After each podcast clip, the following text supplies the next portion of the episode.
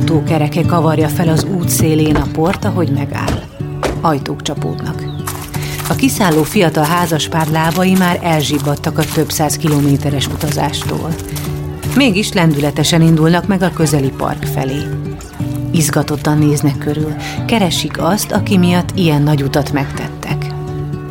Egyszer csak megpillantanak egy szöszi, két évesnek tűnő, de valójában három éves kisfiút, aki fel alá bóklászik a játszótéren. Amikor odaérnek hozzá, először csak mosolyogni tudnak. Majd Orsi előkap a táskájából egy buborék fújót. Megmutatja a kisfiúnak, aki megfújja. Száll a levegőben a sok csillogó buborék. Alig húsz perc elteltével már együtt nevetnek a játék hevében, sőt, a fiú még meg is öleli őket búcsúzóul.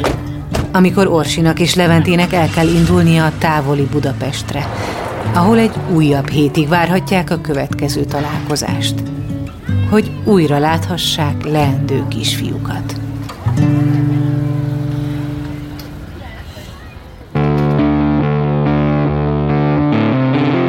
Lovas Rozi vagyok. Ez az Egyszer Lent. Egy podcast azokról, akiknek hatalmas pofont adott az élet. Megjárták a gödör mélyét, de sokkal erősebben másztak ki belőle. Ha azt gondolod, mindennek vége, jussanak eszedbe ezek a történetek. Mindig lehet jobb, ha te is akarod.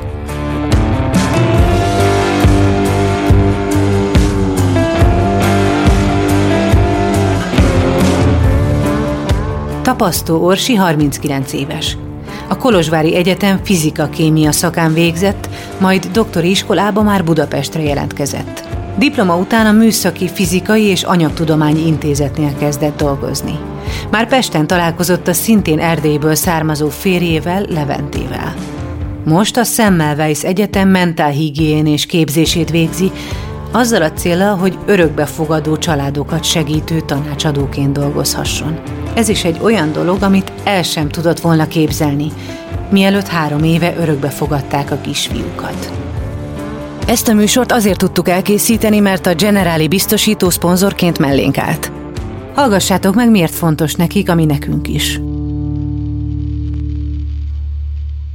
A leggyakrabban a semmiből jön az a bizonyos pofon, ami a padlóra küld.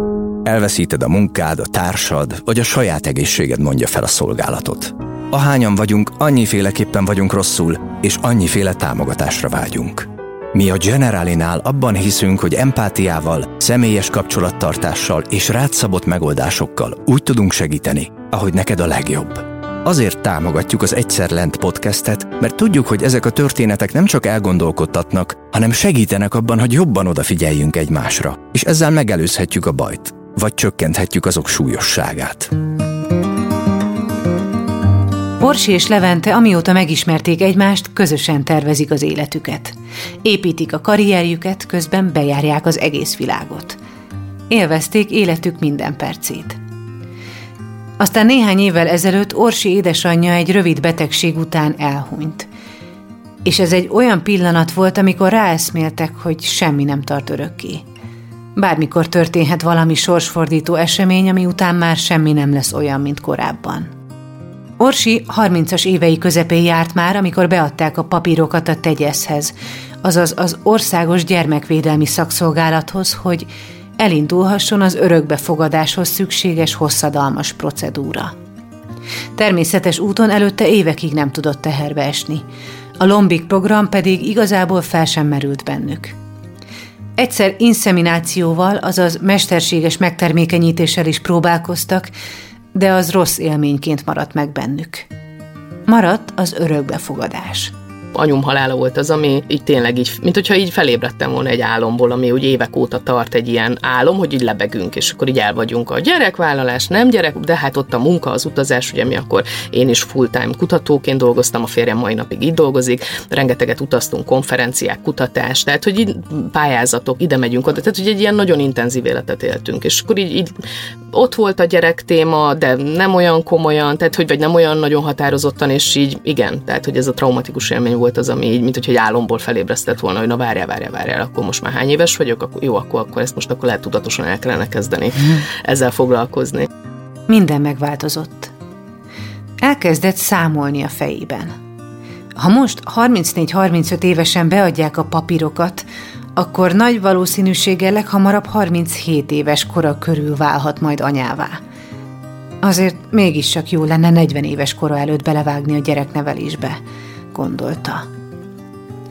Pár héttel édesanyja halála után Orsi megkérdezte férjét, hogy mit szólna, ha belevágnának az örökbefogadás elindításába és beleegyezett, és én voltam a legjobban ledöbbenve, hogy ezt nem hiszem el, hogy nem kell most ezen hetekig, hónapokig rágódni, ameddig ő is eljut arra a szintre, mert nyilván nem akarom nyomasztani, nem akarom ezzel, hogy most figyelj, nekem meghalt az anyám, és most azonnal az lesz, amit én akarok, tehát hogy ez, ez, ezt, ezt nem szerettem volna, hogy ezt érezze.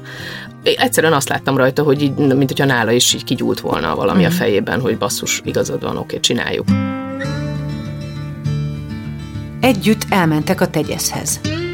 Az egész olyan volt, mintha egy átvilágításon esnének át. Leült velük szembe egy pszichológus, és rengeteg kérdésre kellett válaszolniuk. Mit szeretnél? Miért szeretnéd? Mit hozol otthonról? Tényleg készen állsz-e a feladatra? Környezettanulmányt végeznek, a, mind, mind, mindent, hogy, hogy mennyit keresel, hogy, hogy a környék, ahol laksz, milyen, hogy van-e iskola, van-e óvoda, tehát, hogy így tényleg így mindent, hogy hova érkezik az a gyerkőc, ezt így, így jól megnézik. És ez egy nagyon intens, van egy tanfolyam, ugye, ami sajnos most már nem kötelező, én azért mindenhol el szoktam mondani, hogy azért az jó, hogyha az ember, hogyha örökbe szeretne fogadni ezt a, ezt a tegyeszes, vagy alapítványnál is lehet tanfolyamot elvégzi, ez, ez tök fontos. Um, tehát, hogy ez egy ilyen nagyon intenzív néhány hét, amikor ebbe úgy nagyon benne vagy fejben, és csak erről szól az életed neked, mert hogy a tanfolyam is két hétvégét vesz fed le, két, négy napot összesen legalábbis akkor még ennyi volt, és ott reggeltől estig ez a téma.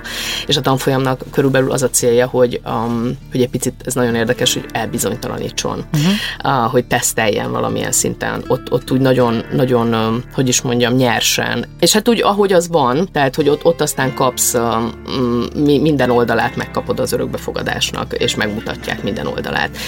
És akkor, hogyha a tanfolyam végére végére is úgy gondolod, hogy akkor, akkor biztos lehet, hogy akkor biztosabb lehetsz benne, hogy ez a te utat, tehát hogy a tanfolyam erre nagyon jó. Tehát, hogy ez egy ilyen nagyon, nagyon intenzív időszak, ez a pár hét, ameddig mindent lezongorázol, és megkapod a határozatot, hogy igen, tehát, hogy alkalmas vagy arra, hogy örökbe fogadjál, ugye ez egy alkalmasági határozat, és aztán jön, jönnek évek, amikor köszönjük szépen, ott a határozat így ki van mágnessel téve a, a hűtőszekrényedre, ezt így naponta köszönsz neki, vagy nem, tehát, hogy ott van, és, és aztán nem történik semmi. A tanfolyam még hetekig hatással volt rá. Volt olyan előadó, aki maga is örökbefogadott gyerek volt, és elmesélte, hogy ő milyen nehezen illeszkedett be a családjába. De csak kamaszként jöttek az igazi nehézségek.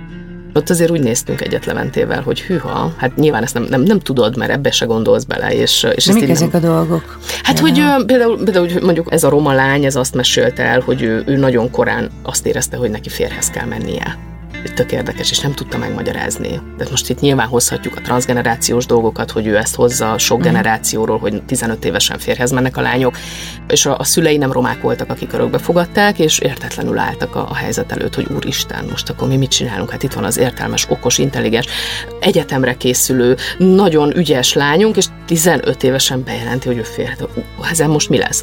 És aztán nyilván ez, ez kialakult, és, és nem lett ennek rossz vége ennek a történetnek, de hogy ilyen nagyon kemény néhány éve volt abban a, a, annak a családnak az, ameddig ez a lány ezen, ezen a, ezeken a, hogy mondjam, hullámvölgyeken, vagy ilyen viharos éveken átment, aztán, aztán kisimult minden, de hogy ez nagyon kemény. Például ilyen közbe jöhet.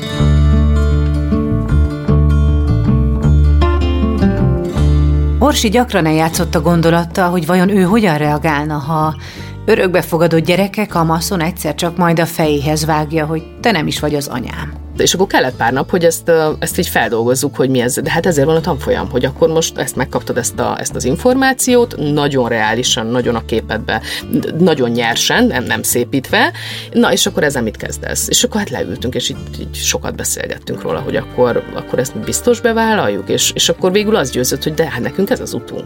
Aztán meglátjuk. Tehát, hogy mit fogunk érezni. Már hogy közben, a folyamat közben, amikor majd először mondjuk kiajánlanak valakit, és ez így is történt, és akkor, és akkor majd érezni fogjuk, hogy valóban, vagy pedig inkább nem. A procedúra során a szülőjelöltek egy dokumentumon bejelölhetik, hogy milyen nemű és korú gyermeket szeretnének örökbe fogadni. Nagyon sokan újszülött és hat hónapos kora közötti kisbabát írnak be. Minél nagyobb a gyerek, annál kevesebbet kell rávárnia a leendő szülőknek. Orsiék a papíron végül a három és fél évet jelölték meg felső korhatárnak. Aztán csak teltek a napok. Tudták, hogy akár éveket is várhatnak, mire megcsörren a telefon, hiszen szülőjelöltek százai várnak a sorukra. Én akkor már követtem, a, van egy ilyen blog, hogy örökbe.hu, azért ez minden örökbefogadónak a, a bibliája kb. ez a blog, mert ott, ott, úgy, ott úgy minden, de tényleg mind, minden, amit el tudsz képzelni így a, a főleg a, a technikai háttere, meg statisztikák, minden, hogy, hogy mi hogy zajlik, és onnan tudtam, hogy az, az a minimum, az a két év, ameddig egy, egy gyerkőc érkezik hozzánk. Teltek a napok. Majd fél évvel az alkalmassági határozat átvétele után megcsörrent a telefon. Orsi és Levente nagyon meglepődött, hogy hogy lehet, hogy csupán fél év után már is keresik őket a tegyeztől. Egy két év körüli kislány miatt telefonálnak, hogy be tudnának-e jönni. Persze, persze, azonnal. Az irodában a hölgy elővette egy dossziét, és elkezdte felolvasni a kislány történetét – akinek az esetében olyan fokú betegségek sora állt fenn, ami miatt Orsinak fel kellett volna adnia a munkáját. Ez egy teljesen váratlan helyzet volt, ami csak is a rendszer hibájából adódhatott, hiszen a kezdeteknél kitöltött dokumentumon azt is be kellett jelölni, hogy milyen mértékű változásokat tudnak az életükben meghozni. Nyilván mindenki egy egészséges gyerkőcöt szeretne. Persze a realitás talaján próbáltunk maradni, és így, és így a középutat belőttük, hogy, hogy mi az, amit még úgy érzünk, hogy kezelni tudnánk az életünkben, és mi az, amit, amit biztos, hogy nem, és akkor így beixelgettünk dolgokat.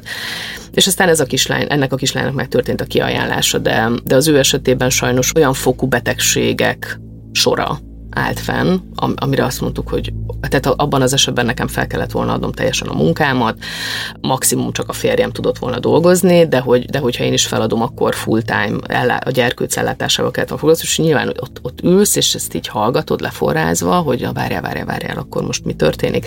Ez, az, egy, az egy nagyon kemény pillanat volt, és hát nyilván megmutatták a kislánynak a fotóját, na és akkor most döntsél, hogy feladod-e az életed, a, bevállalod ezt a kislányt, vagy, vagy pedig boldogan mész tovább, és éled az életed, és akkor egy szarember vagy, ezt így mondjuk ki.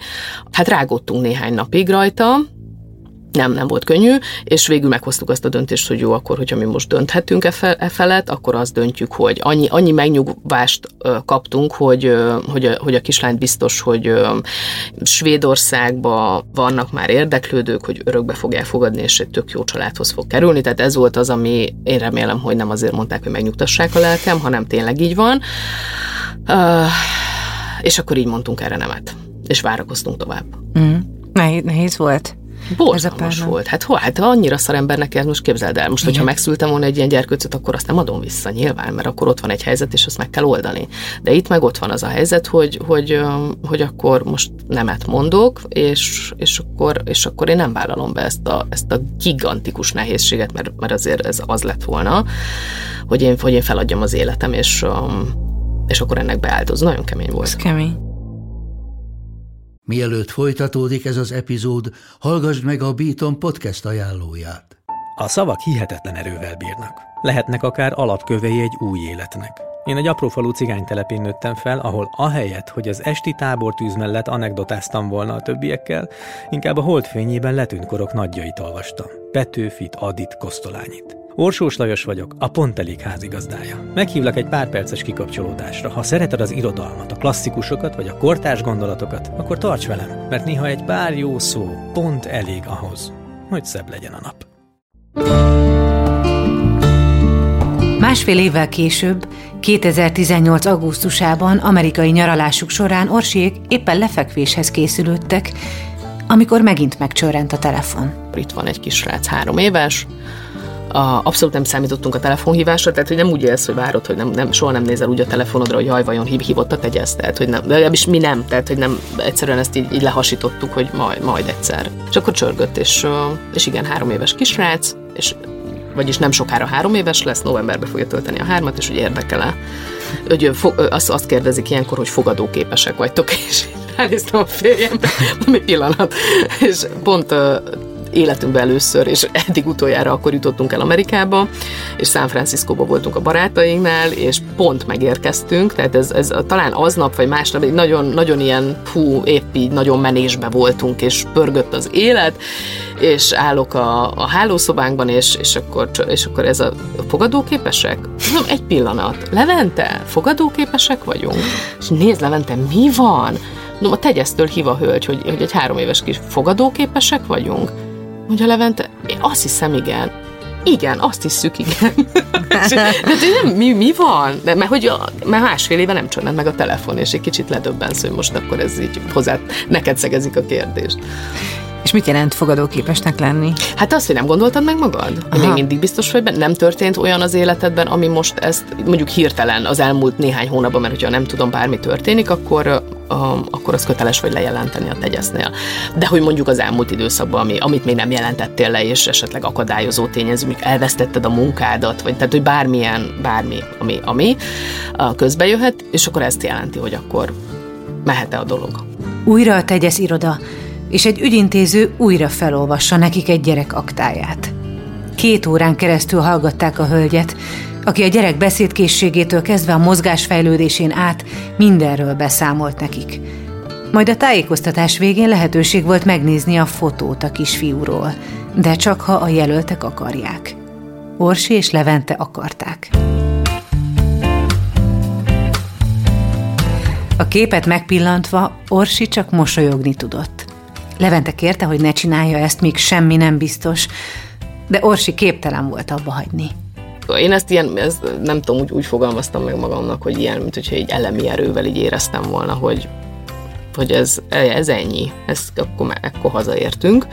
A, a férjem pedig még a, a, a realitás talaján mozgott akkor, és mondta, hogy nem biztos. Hát e, oda kell menjünk, hát meg kell nézzük, hát kell lássuk, hogy ő, ő részéről van-e kémia, nem most ez, hogy nekünk cuki a feje. De mondom, nem cuki, néz a szemeim, hogy ez a mi fiunk, hát néz rá és, és akkor ő, meg hogy a tisztára úgy nézett ki, mint a férjem három évesen. Tehát, hogy így, mondom, nem tudom, mit csináltál négy évvel ezelőtt, meg hol jártál, de mondom, nézd rá erre a gyerekre. Hát de tényleg, tehát, hogy egymás mellé teszed a férjem és a, és a, és a Csabi gyerekkori nagyon durva a hasonlóság. Bár Csabi még nagyon messze lakott a nevelőszülőknél, Orsiék minden héten meglátogatták őt, és egyre több időt töltöttek hármasban. De semmit nem beszéltünk, mert az én fiam nem nagyon beszélt még három éves korában, pár szót, és játszottunk. És akkor így nagyon hamar hát hogy az összenézések megvoltak, amikor úgy rád néz, és úgy villan a szeme, és úgy cukiskod, tehát úgy, úgy érzed a, a kémiát, hogy van.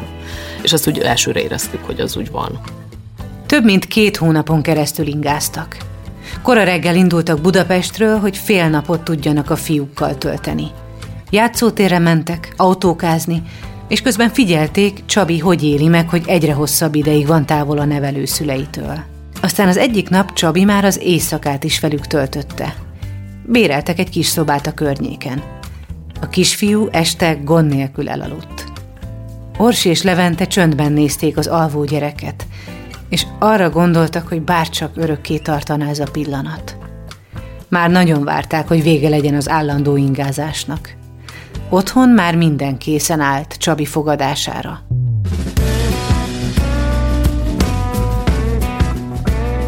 Menjünk már haza, vigyük már haza. Nagyon hamar éreztük, hogy itt nem lesz baj. Uh-huh. De hát nyilván végig kell csinálni. Tehát csak borzasztó fárasztó volt, nagyon megterhelő volt, mert ugye közben tehát az állam az nem figyel arra, hogy most akkor te örökbe akarsz fogadni, ergo le akarsz venni az állam válláról egy terhet, fogalmazunk csúnyán, és mondjuk segít téged azzal, hogy ad plusz szabadnapokat, vagy, vagy bármit, amiben tudna neked segíteni. És akkor így nagyon be volt határolva az, hogy mondjuk csak hétvégén tudunk leutazni, mert hogy nem volt effektív szava. Ez ugye évvége, amikor már az összes szabadságodat szépen felélt, életed. Hát a fene sem gondolja, hogy neked novemberben még nem tudom hány napra lenne szükséged, hogy te itt örökbefogadósat játszál. És igen, tehát, hogy ez, ez így nagyon be volt határolva, közben ugye full-time munka, közben ott van egy gyerekszoba, amit egyre inkább érzed, hogy hát itt gyerek lesz, akkor ezt a gyerekszobát össze kell rakni, de mire van szükség egy három éves gyereknek, tehát hogy így teljesen felborul minden, és akkor plusz még utazgassál a, világ végére elég gyakran. Úgyhogy, úgyhogy nagyon, ugye kb. fél időtől mi már nagyon vártuk, hogy jöjjön a vége, mert ez így, ez így egybe, és közben ugye lelkileg mibe vagy, hát hogy mindjárt anya, anya leszel, meg apa leszel. Szóval, hogy az egy, ez egy elég intenzív időszak. És ezt úgy nagyon vártuk, hogy, hogy legyen vége, és hozhassuk haza a gyerkőcöt. Egyik pillanatról a másikra családdá váltak. Orsi korábban azt gondolta, hogy azonnal előjön belőle ekkor az anyai ösztön, de ez nem pont úgy történt, ahogy elképzelte. Hát, hogy én vártam, hogy az akkor most berobban. Na, hát, hogy ott van a papíron, hogy én vagyok az anyja, akkor, akkor most akkor most már lassan azért, azért kell éreznem, nem, hogy én vagyok az anyja. És akkor én úgy gondoltam, hogy nem úgy csendbe fogom érezni, hanem valami ősrobbanásszerű anyaságérzés majd előnt, és hogy ez akkor, akkor na, akkor ez most jöjjön már. És nyilván borzasztó türelmetlen voltam, hát én otthon vagyok a gyerekkel, akkor miért nem jön? Tehát, tehát, tehát mindent úgy csinálok, ahogy kell, akkor hol van ez az érzés. És, és hogy azért az nagyon fontos, tehát, hogy nem a, nem, ez itt nem a szeretet kérdése, tehát, hogy nem a, nem a szeretetet válaszolt, szóval kb. akkor éreztem a szeretetet, amikor a fotóját megláttam a gyerkőznek, és még sehol nem tartottunk, tehát meg nem az, hogy ne tennék meg érte bármit, tehát nem ezek a, ezeket éreztem, de én ezen felül szerettem volna még érezni valami nagy robbanást, az az anya vagyok érzése, na mindegy, és ugye az olyan vicces, hogy az ember mit gondol ezekről a dolgokról, így ameddig nincs benne, na mindegy, és, és akkor nem jött, képzeld el a robbanás, és semmi nem történt, hanem csak jöttek a hétköznapok, ezt eszi a gyerek, azt nem eszi, ettől hisztizik, attól nem hisztizik, ezt bejön neki, az ne. Szóval egy ilyen, ilyen halál néhol unalmas, néhol borzasztó cuki, néhol elönt a, a, ez, a, ez a melegség, de hogy így pff, semmi. Tehát, hogy akkor most mi van, hogy hol van az, az a nagy anya, anyaság sztori. És, és ez nem érkezett meg, és, és ez tök nehéz volt ezt így feldolgoznom, hogy, hogy, hogy ez nincs. Aztán egy olyan 6-9 hónap kellett ahhoz, hogy észrevegyem, hogy anya vagyok. És akkor így észrevettem, hát ez egy jó hülyén hangzik, jobban nem tudom elmagyarázni, úgy összeálltam az anyaságban. És akkor már nem volt, hogy mondjam. Tehát nekem például ez, hogy, hogy ez a kutatónőből anya egy switchre, és akkor nincs más, nincs segítség például. Ugye mi, mi erdélyek vagyunk mind a ketten, akkor, akkor nem élt itt semmilyen nagymama, semmilyen segítség, ne, az első időszakban nem is vonhatsz be segítséget örökbefogadás esetében. Tehát akkor, akkor ez szabály, hogy te kell csak a gyerkőccel legyél, hogy a kötődés kialakuljon. Ez mennyi az első időszak? Hát egy ilyen három hónapig azt mondják, hogy azért no, no tehát ne legyenek nagy családi banzályok, ameddig, ugye ez tök, tök oké, tehát ameddig a, a, a kötődés jó, jól ki nem tud alakulni közted, és meg a férjed és a gyerkőc között. A váltás az, az nagyon, az nagyon, az, nekem ez volt az nagyon nehéz. Egyik pillanatban még bemész dolgozni, a másikban pedig már otthon vagy egy három éves gyerekkel. Mindezt úgy, hogy még sosem neveltél gyereket, minden helyzet új, és mindet meg kell oldani. A gyereket pedig boldoggá kell tenni. És Csabinak szinte minden teljesen új volt. Például a délutáni alvás is.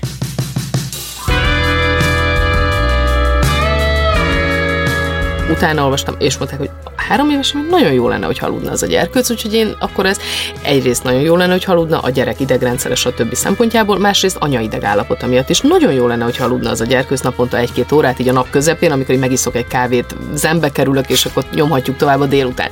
Ezt így elég hamar felfedeztem, hogy ezt így jó lenne bevezetni. Hát az egy, az egy ilyen kettő-három hétig tartó kőkemény harc volt, ameddig én az én fiamnak valahogy átvittem azt az információt a kis fejébe, hogy itt öcsém alvás lesz. Tehát ha te azt akarod, hogy itt anya boldog legyen, akkor te, te babám, te aludni fogsz.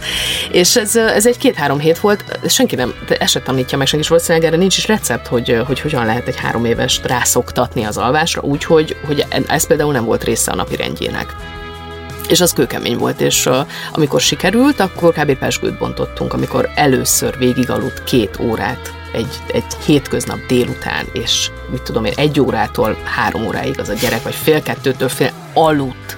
És hívtam a férjemet bőgve, hogy elaludt. És, és férjem is, hogy úristen, de ügyes vagy. Mondom, tudom, Tú, e, igen, az vagy. Hát most, most kérek egy oklevelet, vagy egy szobrot, mert ezt én is úgy élem meg, hogy ez egy kőkemény melónak az eredménye, és azóta az én fiam alszik, és én erre brutálisan büszke vagyok, na, de ez volt az a pillanat, amikor, hát a mélypont, ez a harc. Amikor először elhagyta a házat kisfia nélkül, nagyon furcsán érezte magát. Mintha érezte volna fia ujjainak szorítását a kezében. Közben a tegyeztől eleinte heti rendszerességgel látogatták őket. Ilyenkor a kapcsolattartó beül a nappaliba, és iszik egy kávét. És egyszerűen csak beszélgetünk. És beszélget Csabival, beszélget velem, és hogy hogy vagyunk, mint hogy, és hát figyeli a gyereket, hogy, hogy nem ellát rajta bármi furát, hogy akkor most rosszul érzi magát, vagy tehát, hogy akármi. És ez, ez tök jó, mert kapsz egy visszajelzést, hogy hogy jól csinálod, nyugi, minden oké, okay. de, de nyilván kevés. De nekem kevés volt. Tehát, hogy, hogy igen, de hogy az a, az a baj, hogy ott annyira uh, intenzív uh, helyzetbe vagy, vagy legalábbis én így működök, nem tudom máshogy működik, hogy amikor egy ilyen nagyon intenzív uh, megélésbe vagy benne, akkor nincs erőt szakembert keresni. Tehát amikor így benne vagy a hullámzásba, és csapkodnak fejed fölött a hullámok, akkor nincs erőd, vagy nem is tudatosul benned az, hogy én utólag tudom, hogy nekem ott szakemberre lett volna szükségem. Közben nem tudom. Közben nem tudtam. Uh-huh. És hogy ez persze ez jó lett volna, hogy, hogyha intenzívebben egy akár egy pszichológus vagy egy mentálhigiénés szakember ott van, és kísér az utadon, semmit nem kell csináljon. Tehát tényleg csak kísérjen, és legyen ott, és nyugtasson meg, hogy, hogy ez, amit érzel, ez teljesen valid, nem vagy hülye, ez igen, ez egy baromi nehéz, te ennyire lett volna szükségem. És ez tök más, hogyha egy szakember mondja nyilván, mint hogyha az anyukád, vagy a barátnőd, vagy a tesód, vagy a, tehát, hogy, uh-huh. ja. Miben más örökbefogadó szülőnek lenni? Ezt meg lehet fogalmazni? Hát ez, ez az átszokási időszak. Tehát ez az átállási, csak az, hogy, hogy, hogy ezt is, erről is több, többször beszélgettem biológiai anyukákkal, barátnőimmel, és hogy így jó, Orsi ne gondolt, hogy ez a biológia, ezt nagyon sokszor megkaptam, hogy ne gondold már, hogy az, aki szül, az nem ugyanezen megy át. Uh-huh. És hogy én mindig azt hittem, hogy azért a hormonok, meg a, az a kilenc hónapos felkészülés, én akkor is azt állítom, hogy az azért az más, de sokszor megkapom, hogy, hogy ugyan, hogy nagyon sok a hasonlóság a, a szülés szülés utáni időszakban, mint nekem az örökbefogadás utáni időszakban. Tehát, hogy ezt nagyon sokszor megkapom ezt a visszajelzést. Én mondom, annyit azért fenntartanék, hogy szerintem azért a hormonok azok nyilván lehetnek az ellenségeink is a, a szülés után, abszolút aláírom, de így a ráhangolódásban meg az, hogy, a, hogy csak a te testedből jött ki az a gyerek, tehát az a, az a, az a kötődés, az az, az, a, az, az őskötődés, az azért az, az azért az adott. Nekünk pedig nem azt mondom, hogy meg kell dolgozni érte, hanem ki kell várni más a folyamat. Tehát, hogy mhm. ebből a szempontból azért ez a kötődés sztori, ez, ez, ez szerintem azért ez eléggé más. Ha valami nyomasztotta Orsit, azt kiírta magából. Aztán elkezdte megosztani az írásait. Sokat posztolt az Instagramon személyes történetekről, így az örökbefogadásról is. Rádöbbent, hogy alig foglalkoznak ezzel a témával az online térben, holott több embert érint, mint gondolnánk és ez a tömeg ugyanolyan egyedül van, mint ő. Írásait egyre többen követték. Nem sokkal később két barátnőjével elindították közös oldalukat, nem akarok beleszólni néven. Ugyanúgy kommunikáltam előtte is, de ezzel a tömeggel ez, ez nyilván felerősödött, mert azt éreztem, hogy akkor, akkor én most nem csak ezer emberre tudok hatni, vagy nem csak 300 emberre, akik az előtt ott voltak az oldalamon, hanem sokkal nagyobb tömegekről, hogy így ezzel így jött egy ilyen felelősségérzet, hogy hát ez kurva jó. Mm. Hát ez nagyon jó, hogy akkor én most akkor tényleg tömegekhez eljutok azzal, hogy ha szarul vagy, akkor menj el terápiába. Ha örökbe akarsz fogadni, akkor először beszélj egy szakemberrel. Ha nem, tehát ugye ezek a, ezek a témáim nekem azért amúgy, és akkor ezek, ezt, úgy, ezt úgy, tehát úgy megéreztem ennek az erejét, hogyha ott van egy tömeg, és, és jól tudok rájuk hatni, akkor hát, ha egy picit picit tudok javítani az, az, azon az általános, nagyon csodálatos lelki állapoton, ami így körülöttünk uralkodik. Ha kiderült egy társaságban, hogy Csabit örökbe fogadták, általában nagyon meglepődtek az emberek, hogy na hát, ilyen is van. Nagyon kevés negatív, a, talán egy tehát tényleg nagyon kevés, ami, ami az volt, hogy, hogy hát és hogy a génektől nem, nem féltek génektől. Aha. Hát mondom, a saját génjémtől lehet jobban félnék. Tehát, hogy nem tudom, hogy ez a gyerkőc milyen géneket hoz, de az enyémek se az a matyóhímzés, úgyhogy szerintem így meg vagyunk. Úgyhogy nem, tehát nem, és ez se, ez se az a rossz indulatú gonosz beszólás volt, hanem egy ilyen, egy ilyen őszinte kérdés volt, hogy ti ettől nem féltek. Ez a meglepődés, ez, hogy Úristen, te jó ég, hogy soha nem, főleg azért, mert hogy a Csabi pont úgy néz ki, mint ti. Tehát, hogy ezért soha nem gondoltam volna, ezt, ezt nagyon sokat kapjuk. Meg, meg hát egyszerűen, hogy úr, és, és akkor, hogy de, me, úgy, de megható, te jó ég, és akkor ilyen, ú, fel vagyunk emelve a mennyekbe, és mi vagyunk a csodaszülők, miközben nem tartjuk magunkat annak, hogy mi, mi lennénk ebbe a sztoriba a, a nem tudom, a, a sztárok, mert nem, nem erről van szó. Tehát ugye ez ezek az ilyen csodálat övezi ezt a sztorit általában, és um, és tehát nem hétköznapi nap, ennyi. Tehát ezért nem hétköznapi történetnek számít. Amit én meg szeretnék, hogy annak számítson. És mit gondolsz, hogy miben lehet ezen változtatni, hogyha beszélünk róla? Igen, szerintem ez tök jó. Egyre többet beszélni róla, és nem a, nyilván ez erre vigyázni arra, hogy a gyerkőcre azért vigyázni, tehát azt is nyilván meg szoktam kapni, hogy, hogy és én hogy merészelem, hogy így kiteregetem. És hát mondom, pont azért merészelem, mert nem akarom, hogy ez, ez, ez tehát, hogy ez, ez, ez, ez érdekesség legyen. És hogyha, és hát én nagyon remélem, hogy a gyerkőcömet nem fogja ez, ezért bármilyen negatív behatás érni majd. Majd éri, akkor kezeljük. Anyádnak ez volt a happy hogy ezt a harcot meg akarja vívni. Uh, bocs, ne haragudj, itt vagyok melletted, akkor ezt most oldjuk meg együtt. De nagyon remélem, hogy erre, erre nem fog sor kerülni. Uh, nagyon sokan vagyunk így örökbefogadó szülők, akik uh, akár szivárvány családos, nagyon jó barátaim és mindenféle családból egyedülállók, akik így ezt felvállalják és beszélnek róla, és pont ezért, hogy ez, ez ne legyen egy ilyen nagy dolog. A gyerekek valahogy sokkal könnyebben tudomásul veszik az ilyesmit. Csak mi felnőttek kerítünk ennek ekkora nagy feneket. Csabi is szokott beszélni az örökbefogadásról. Orsiéknak az elejétől kezdve céljuk volt, hogy kisfiúk pontosan tudja, mi történik vele.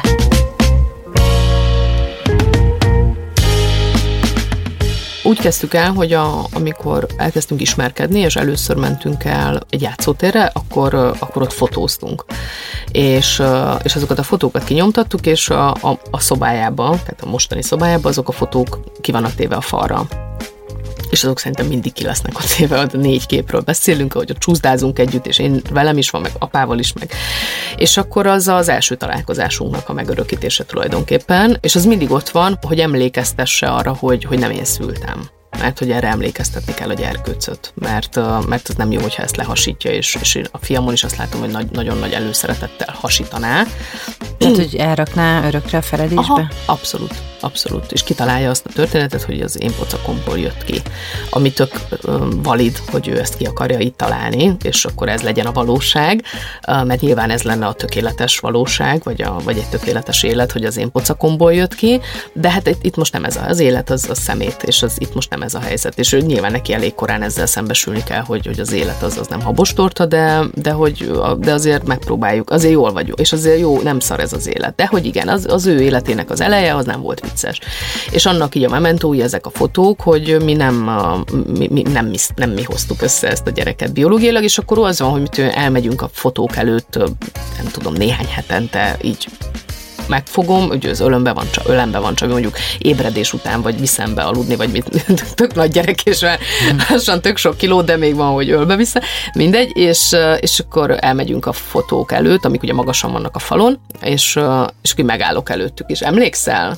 És akkor így oldalra néz, és így igen, hogy abba jöttetek oda hozzám, és így elmeséli az ő szintjén. Oké, okay, mondom, ez így volt, rendben. Fekhetünk, fekhetünk, vagy mehetünk ki, akkor mehetünk. És hogy um, egyszerűen így tartjuk ezt um, a kis uh-huh. fejében él, élő, élő sztoriként. Talán egyszer vagy kétszer kérdeztem meg, hogy de miért. És akkor mondtam, hogy hát figyelj, anya, anya teste olyan, hogy nem, nem tudott teherbe esni, képzeld el. Ez történt. És akkor, és akkor, és akkor nekünk, nekünk másképp kellett találkozni. Nekünk uh-huh. ez volt a találkozás útja, hogy egy másik néni, aki viszont hála Istennek teherbe tudott esni, ő hordott ki a szíve alatt, és akkor, és akkor egy ilyen varga betűt leírtál, és szóval ezt így. És uh-huh. akkor ezt így, ja jó, és akkor elfogadja.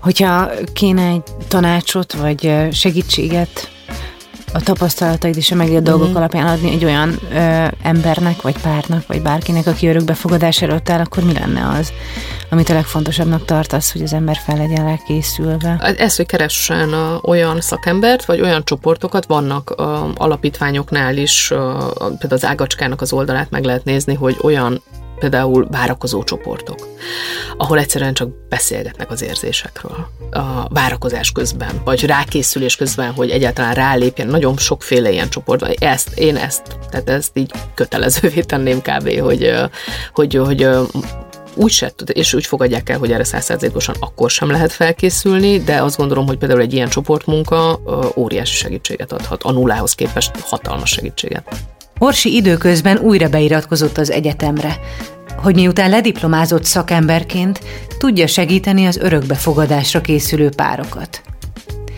Az örökbefogadás óta gyorsabban röpülnek az évek. Csabi már hat éves. Boldog, kiegyensúlyozott kisgyerek. Hát nem gondolja túl a dolgokat, tehát hogy ő egy ilyen egyszerűen csak él bele a világba, és borzasztó boldog, elképesztő. Én ezt így csodálattal nézem, tehát hogy én nem véletlenül kaptam egy ilyen gyereket hogy így megmutatja nekem, hogy lehet így is, hogy nem, nem kell túl gondolni, meg túl aggódni, vagy túl, tehát hogy én, mondjuk én gyerekként sem voltam egy halálboldog darab, tehát hogy én, én a, valahogy nem, tehát egyszerűen nem így vagyok összerakva, és ő meg igen, és ez csodálatos ezt látni, hogy egy ilyen példát így most ilyen tudom, 39 évesen ezt így, és most már három éve ezt így folyamatosan tapasztalni, hogy ő fel kell reggel, és boldog. És így szoktam tőle kérdezni, hogy Csabi, minek örülsz? Olyan fura. Akkor egyszerűen csak vigyorog. Tehát, hogy ő, ő egy ilyen nagyon kis boldog csávó, a, nagyon tökös, nagyon, van neki nagyon határozott véleménye, de ez így az első perctől, ez, és akkor ez így egyre határozottabb, ahogy, ahogy idősödik nagyon, nagyon cuki srác, nagyon vicces, nagyon, nagyon jó a humorérzéke, és ezt így mondanám, hogy tőlem örökölte, de hát ezt nem mondhatom. Egyszerűen így van összerakva, úgyhogy ja, eléggé szeretjük.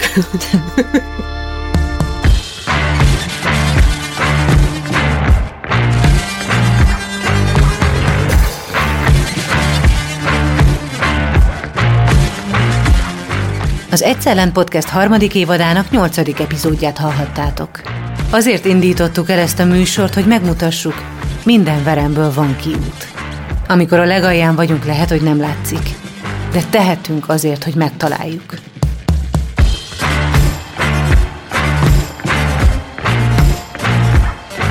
Az epizód szerkesztője Mihály Kövisára, szövegíró Horváth János Antal, a zené és utómunka szerkesztő Szűcs Dániel, a kreatív producer Román Balázs, a producer pedig Hampuk Rihárd volt. Lovas Rozit és az Egyszerlent Podcast harmadik évadának utolsó epizódját hallottátok. Jövőre folytatjuk. Addig is hallgassátok meg a sorozat eddig elkészült részeit. Ha te is úgy érzed, hogy segítségre lenne szükséged, vagy rokonod, ismerősöd szorul segítségre, hívd a krízis helyzetben lévőket segítő, ingyenesen hívható 116 123 vagy 0680 820 111 telefonszámot. Beaton Studio. Vidd magaddal ezt a történetet. Ha van lehetőséget, kerüld el a bajt. Ha pedig már benne vagy, ne feledd, minden gödörből van kiút. Generali. Érted vagyunk.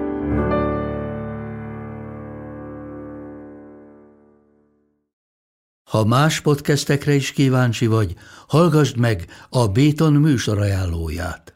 El tudod képzelni, hogy a podcastet, amit éppen most hallgattál, fél év múlva már a mesterséges intelligencia generálja? Mi sem. De ha érdekel, eljött már a gépek lázadása. Hallgass bele az Embertelen podcastbe. Orsós Lajos vagyok, a műsor házigazdája. Egyelőre még élőben. Egyelőre. Fedezzük fel együtt, hogyan ismerkedik, randizik, mesél és vitatkozik Betty és Péter, két teljesen mesterséges intelligencia. Lajos, a podcast címét mond még egyszer, Léci. Oké. Okay. Embertelen podcast.